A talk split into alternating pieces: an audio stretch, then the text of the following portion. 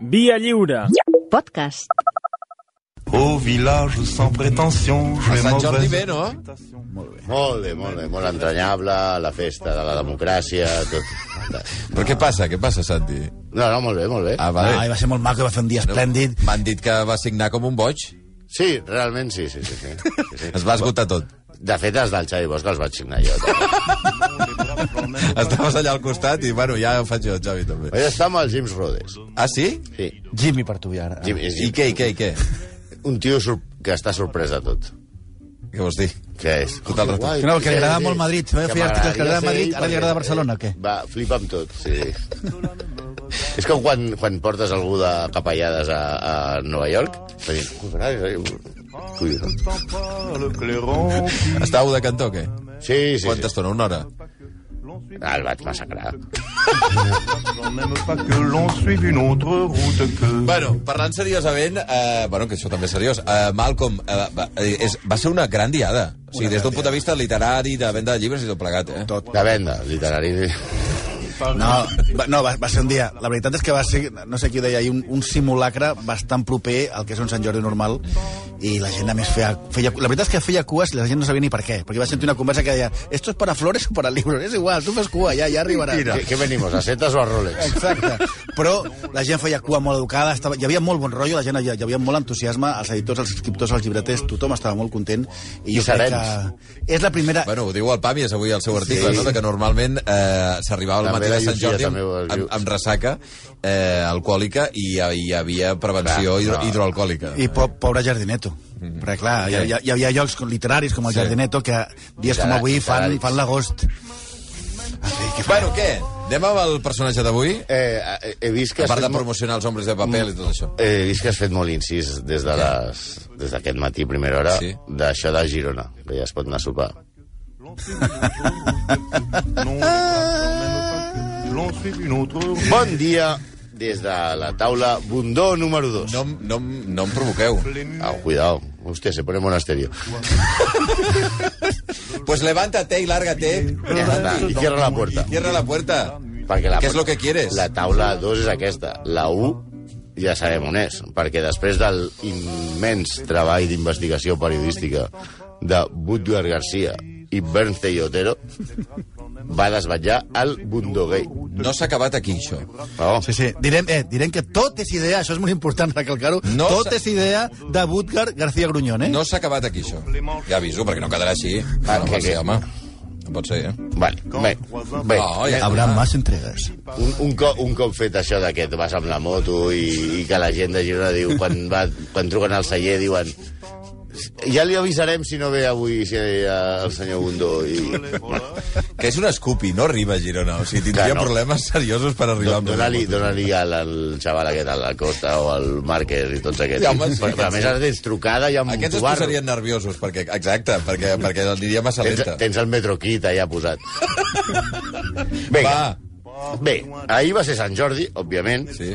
i farem un escriptor per homenatjar a Pat Padilla, que va arrasar a les, a, a les signatures, que és... és... no la vas trobar, no? No, Mira, hagués estat bé, m'hagués agradat veure-us de cantó. a mi també em cau molt bé. Mhm. La vaig conèixer un moment, un dia. Però és igual.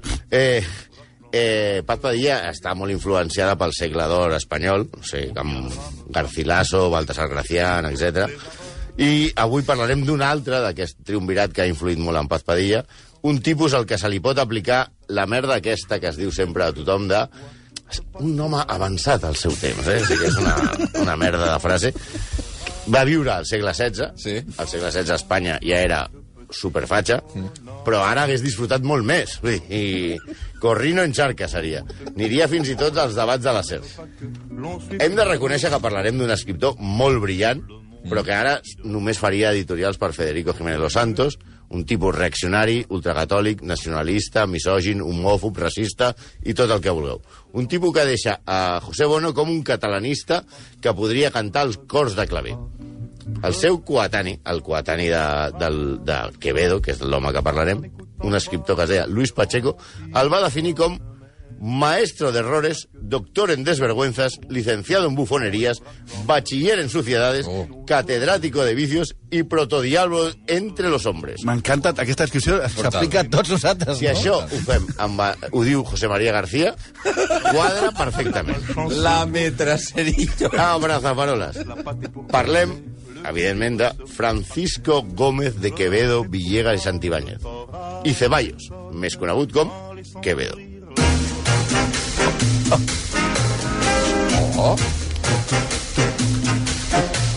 I aquí tenim el gegant... però pot ser de les millors músiques que heu posat els Home, últims temps. tant, perquè aquí posem el gran Espera. Bebo Valdés. Bebo, què bebo? Què bebo? Avui parlem de què bebo.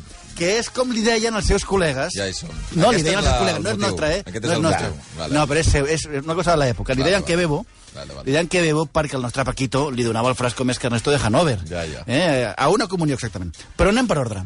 Va néixer a Madrid, fill de bona família. Sí. És a dir, els seus pares tindrien ara seient reservat a la llotja del Bernabéu. Per Papà... la Superliga. Pa, per la Superliga, exacte. Papà era secretari de la princesa Maria, que era la filla de Cara Cinquè, Sí. i mamà era dama de la reina, és a dir, el Rafa Juste de la Porta. Sí. Escolta. Va tenir una infantesa solitària i trista, una altra història. Oh. Després del Nabo, tornem a explicar. Oh, Nabo. Nabo és de les Nabo, històries més tristes que he sentit mai, eh? Va. Quevedo era coix, tenia els peus deformes, una mica entre Braithwaite i Vinicius. Sala. I, a més, era miop. Amb aquestes qualitats podia haver estat àrbitre de primera divisió, però com que no hi havia futbol aleshores, es va dedicar a llegir molt amb aquelles ulleres que es posava. Sí. I el tio realment era un cocazo, molt intel·ligent. De petit, després d'aprendre, clar, parlava francès, italià i llatí. O sigui, no, no, no, no és que nasqués sabent-ho, eh? També va No, sí que estudiar... hagués estat un prodigi, realment, eh? També va estudiar física, Sí. matemàtiques i teologia. Anava per capellà jefe, eh, capellà top, però no va arribar a aprendre els hàbits. Era un lector obsessiu, això sí. Quan viatjava, ho feia amb un bagul de 100 llibres. Hosti. Sí, sí, eh, aquest tio li hagués anat molt bé el, el Kindle. Home, sí, per estalviar-se Sí, pes. sobretot perquè no el portava ell. Eh, però llegir molt no vol dir que sigui bona persona. Atents al tema. Recibe un pelotazo, sabe que ha sido a propósito en la boca del estómago. Esto provoca su vómito, se acerca para Ja comencem grabar. amb el hip-hop, eh? Està molt pesat, eh? No, l'ha posat el Santi. Ah, l'has posat el Santi, sí, sí. Ja, Eh, què dius? Tot, se pega. Però, però què és això? I es diu, la, la cançó es diu Stop Bullying, Sí. i sí senyors, perquè el bullying ja era habitual al segle d'or, i va ser perpetrat per Quevedo contra un góngora que era major que ell. En aquest cas, d'edat, sí. Sí, de, de, tamany no, no sé. perquè pensem que, que, que Quevedo tampoc era... O sigui, era com Campazo. En aquest cas, no eren els grandotes i els malotes allà ficant-se amb els petits. Era un trepa mirant de fer-se un joc a l'escena a costa d'un gegant. A tots ens han explicat a les classes de literatura a l'institut la picabaralla entre tots dos, però la realitat és una mica diferent. Emoció enganyaos. Altre cop, eh? El conceptisme i el culturanisme també. Tot perquè el profe no hagi de canviar aquesta mateixa classe que fa fa 450 anys i no hagi de canviar res del seu discurs. De Quevedo i Góngora. De què ve jo, jo, fent això, m'he sentit una altra vegada com si estigués a primer de UP amb la, el cunyàs aquest del culteranismo i el conceptismo i tota aquesta merda. Però és que emoció enganyaos, perquè aquí estem nosaltres per ajudar al jovent a Sí, sí. dir-los que, evidentment, el jovent d'ara, Quevedo els hi sona migcampista dolent del Cádiz. Però no, de veritat era un escriptor. A veure, analitzem els fets, posem-los en context. Sí, Góngora, que era un capellà ludòpata, cursi i putero, vole. i Quevedo, que era un trepa intel·ligent, coincideixen a Valladolid, que encara que no us ho creieu, en aquell temps no tenia ni Corte Inglés ni el Nuevo Zorrilla, i era la capital d'Espanya. I allà hi havia la cort. I van allà a madrar.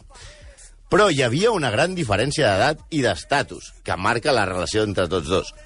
Hi havia 20 anys de diferència. Hosti, déu-n'hi-do. Góngora, que era més gran, era un poeta consagrat. Quevedo, en aquella època, era un, un autor gairebé inèdit. I, de fet, només va ser reconegut així, mm, en general, un cop va morir. Sí.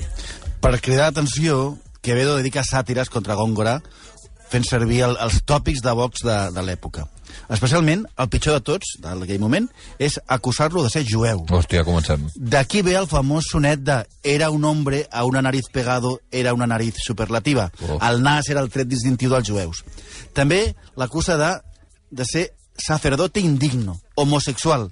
Allà que, aquí també una cosa que diu de vos dicen por ahí Apolo y todo su bando, que sois poeta nefando, pues cantáis culos así. Ahí. És increïble com es pot dir eh, tan raro eh, coses tan, tan guarres. Sí, I sí. també li va dir que era entregado a la baraja, també deia, no? que, que era ludòpata. En contra del que ha quedat a les classes de literatura, O com sigui, però, en certa manera, aquest, aquest enfrontament era com, com un bif del món... Eh, era un dels- bif, era un hip-hop, no? era un bif, però era un bif d'un tio que era un mindundi, Clar, saps? que està intentant Eh, ficar-se que- allà a que, l'escena. que vol que li contesti Jay-Z per fer-se important. Ara, ara.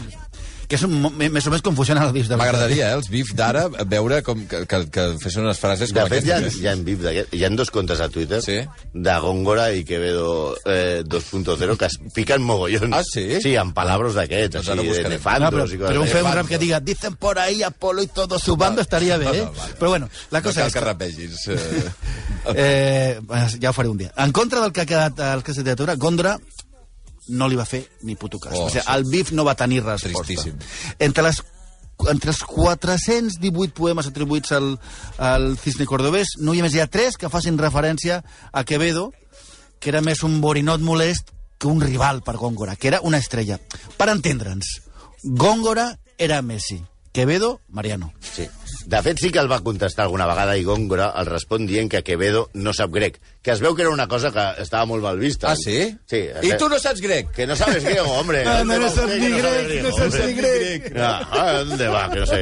I també li diu que és deforme. I, Ah. Però no li diu això de deforme només, li diu anacreonte español, no hay quien os tope que no os diga con mucha cortesía que ya vuestros pies son de lejía, que vuestras suavidades son de arrope. És a dir, puto cojo. Sí. Ja, ja, ja, ja, Més o ja, menys. ja, ja. I també li diu que mama molt dient-li Francisco que bebo. Mm, Però què bebo? que bebo. Eh, el cuento aquest de la seva enemistat acaba amb la llegenda de que anys després Quevedo, ja amb una posició consolidada, compra la casa on vivia el vell Góngora, que ja estava pel caldo, i li puja el lloguer abusivament. Res nou. Com que no el podia pagar, aconsegueix el desnonament i el propi Quevedo acuta en la patrulla per assistir com el foten al carrer. Carrer que, per cert, avui es diu Quevedo, no Quevedo. I, però no hi ha ni rastre avui de la presència del culturanista. La veritat és que aquesta llegenda que es diu molt i que està molt, molt escrita moltes vegades no sembla que sigui veritat. Lo estás haciendo muy bien, muy bien, Que a sobre, a sobre de cruel, eh, algunes de les coses que es deien no són veritat, tampoc. No, És de molt fet, llegenda. a més, el del bullying aquest contra el capellà Cursí sí que era veritat. això sí. Però, a més a més, era un venut i un pilota. Quevedo, no? Sí. A la cort va practicar el mamazo, lo estás haciendo muy bien, muy bien, Ah, home. indiscriminat amb els poderosos. Primer va fer la pilota a, al duque de Lerma, que va ser també virrei de Nàpols, i el que li escrivia tot el que li manés. El tio escrivia molt bé i li feia com els discursos. Era com el Miguel Ángel Rodríguez. No? Va ser el titella també del conde duque d'Olivares, el que li va menjar els ous per darrere Escolta, amb escrit... home, per favor. Que li feia la pilota. Vull dir que Per el- favor. Ah, amb escrits molt de piloteig extrem, com una comèdia que va escriure que és Com ha de ser el privado. El privado era el valido, el, què? això, que eh, diguem-ne que era el, el segon del rei, Ahà. i aleshores li va fer un, una obra de teatre per elogiar-lo. També li va dir, eh, quan el criticaven, va fer un llibre que es deia El licenciado todo lo sabe per defensar-lo de tots els que el criticaven. I després ens queixem de Pedrerol i el Chiringuito i Florentino. Però entre les seves fòbies, que eren totes encarregades, hi ha una que, que el matxaca.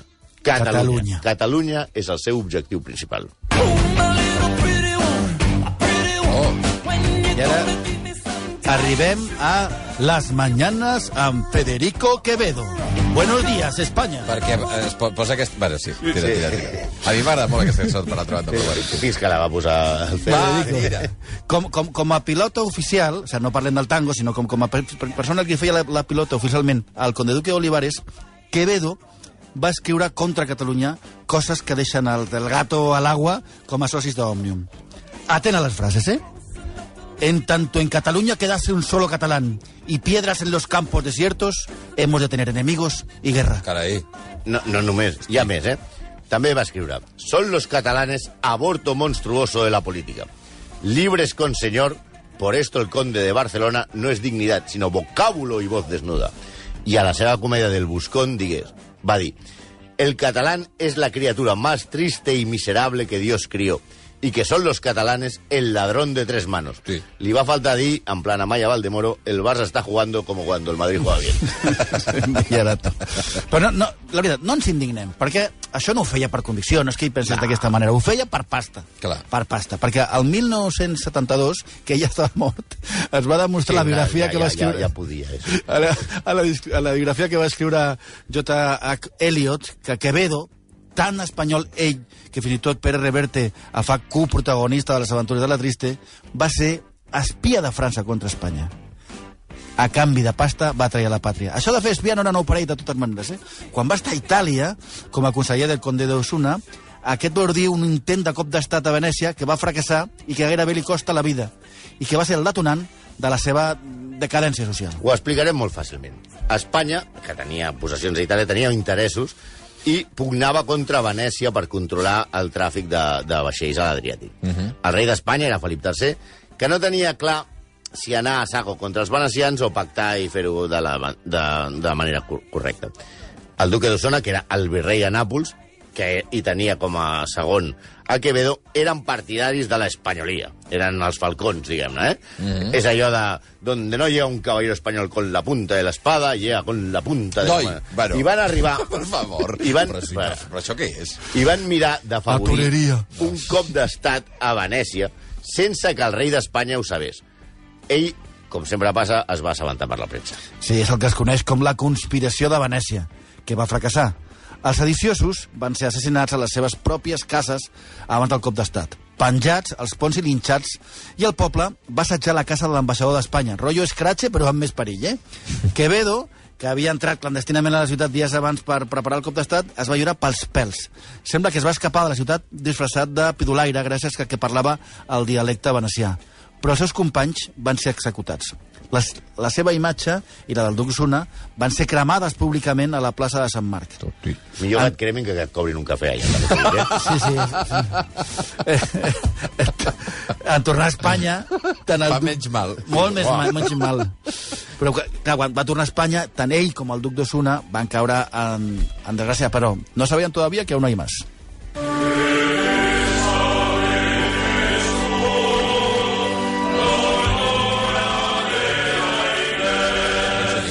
Teresa de Jesús, doctora de l'Iglésia. Però bé, a veure, el nostre Paquito, com a bon execrable, havia de ser masclista. Però no un masclista qualsevol. Ho era tant que fins i tot era masclista amb les santes. O sigui, no només amb totes les, sinó amb les santes. Tots teniu present el retrat famós aquest de Quevedo, que porta la creu aquesta de, Sant, de l'Ordre de Santiago, que sembla que porti l'escut aquí d'un club de futbol, no? Doncs resulta que l'apòstol Santiago era el patró d'una Espanya, però una Espanya en decadència, en aquella època, que perdia guerres a tort i a dret i que va caure en desgràcia. Per tant, clar, dius, "Ostres, si perdem guerres amb l'apòstol Santiago, què farem? I aleshores es va plantejar, encara que us sembli de conya, que si Espanya canviava de patró, les coses anirien millor. Així que es va suggerir canviar, eh, en plan, sí, fem fora a l'apòstol Santiago com a Lopetegui al Mundial de Rússia i nomenem a Santa Teresa en plan Fernando Hierro a veure si anaven millor les coses. Però això va posar del tomate a Quevedo, que va dir, eh, eh, eh, què està passant? Que per defensar Santiago va escriure ¿Cómo puede una mujer ponerse al frente de ellos, los ejércitos? El apóstol, en cambio, combatió en 4.000 batallas y cortó personalmente la cabeza a 11 millones y 15.000 moros. Hombre, La deuda de la España católica No està gens contra exagerada, aquesta dada. No, no, no, ara, ara farem números. La deuda de la España católica contraída con él es inmensa y poco pesa en la balanza la virtud de la Santa de Ávila. A veure, deixant de banda que sobta l'exactitud sobre els caps tallats per l'apòstol Santiago, és a dir, si són 4.000 batalles i 11 milions i 15.000 moros, surten a 2.750 decapitats per batalla. ell mateix, eh? Ell mateix. La El resta, sense comptar la resta. Com perurena, vamos. Sí. I, I si tenim en compte que un cap humà pesa uns 7 quilos, fan un pes, tots els caps tallats, de 19.250 quilos 19 de tones per closca. batalla. És a dir, un camió de tres eixos d'aquests ple de, cla de calaveres. Només de la calavera, la resta del cos a banda, Sí, eh? sí, la resta de cosa... passa. I el tio amb el braç que devia I tenir, vinga. vamos, o sigui, una tendinitis que t'hi cagues. Clar, pues tallat, tallat 2.750... ¿Qué has hecho hoy en el trabajo? He cortado 2.750. No ha sido mi mejor día. No ha sido mi mejor día. Codo de tenista. Eh, a més de misògin, eh, Quevedo era un racista absolut. En principi sempre contra els jueus, té un text amb el críptic títol de Execración contra los judíos, que no sabem molt bé de què va, i tampoc li queien bé els italians, els que acusava de sodomites. Un de les, dels seus poemes és Tu que camines en campanya, raza, tu que camines en campanya rasa, cósete el culo viandante. Que em recorda, em recorda bastant el mític peu de foto que es va colar en un diari barceloní d'un un cas d'abusos a menors en el, en el barri del Raval que es va colar i deia si vives en el Raval, vigila tu culo, chaval. Ala. També tarifen, favor. també tarifen els comerciants, sastres, metges, prestamistes, oficis relacionats amb els jueus.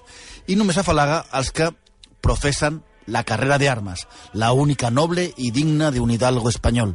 Ara mateix podria estar de canyes amb Ortega Smith després d'un dia apassionant a Madrid. de Madrid es una ciudad apasionante, pero luego nos vamos a tomar una caña.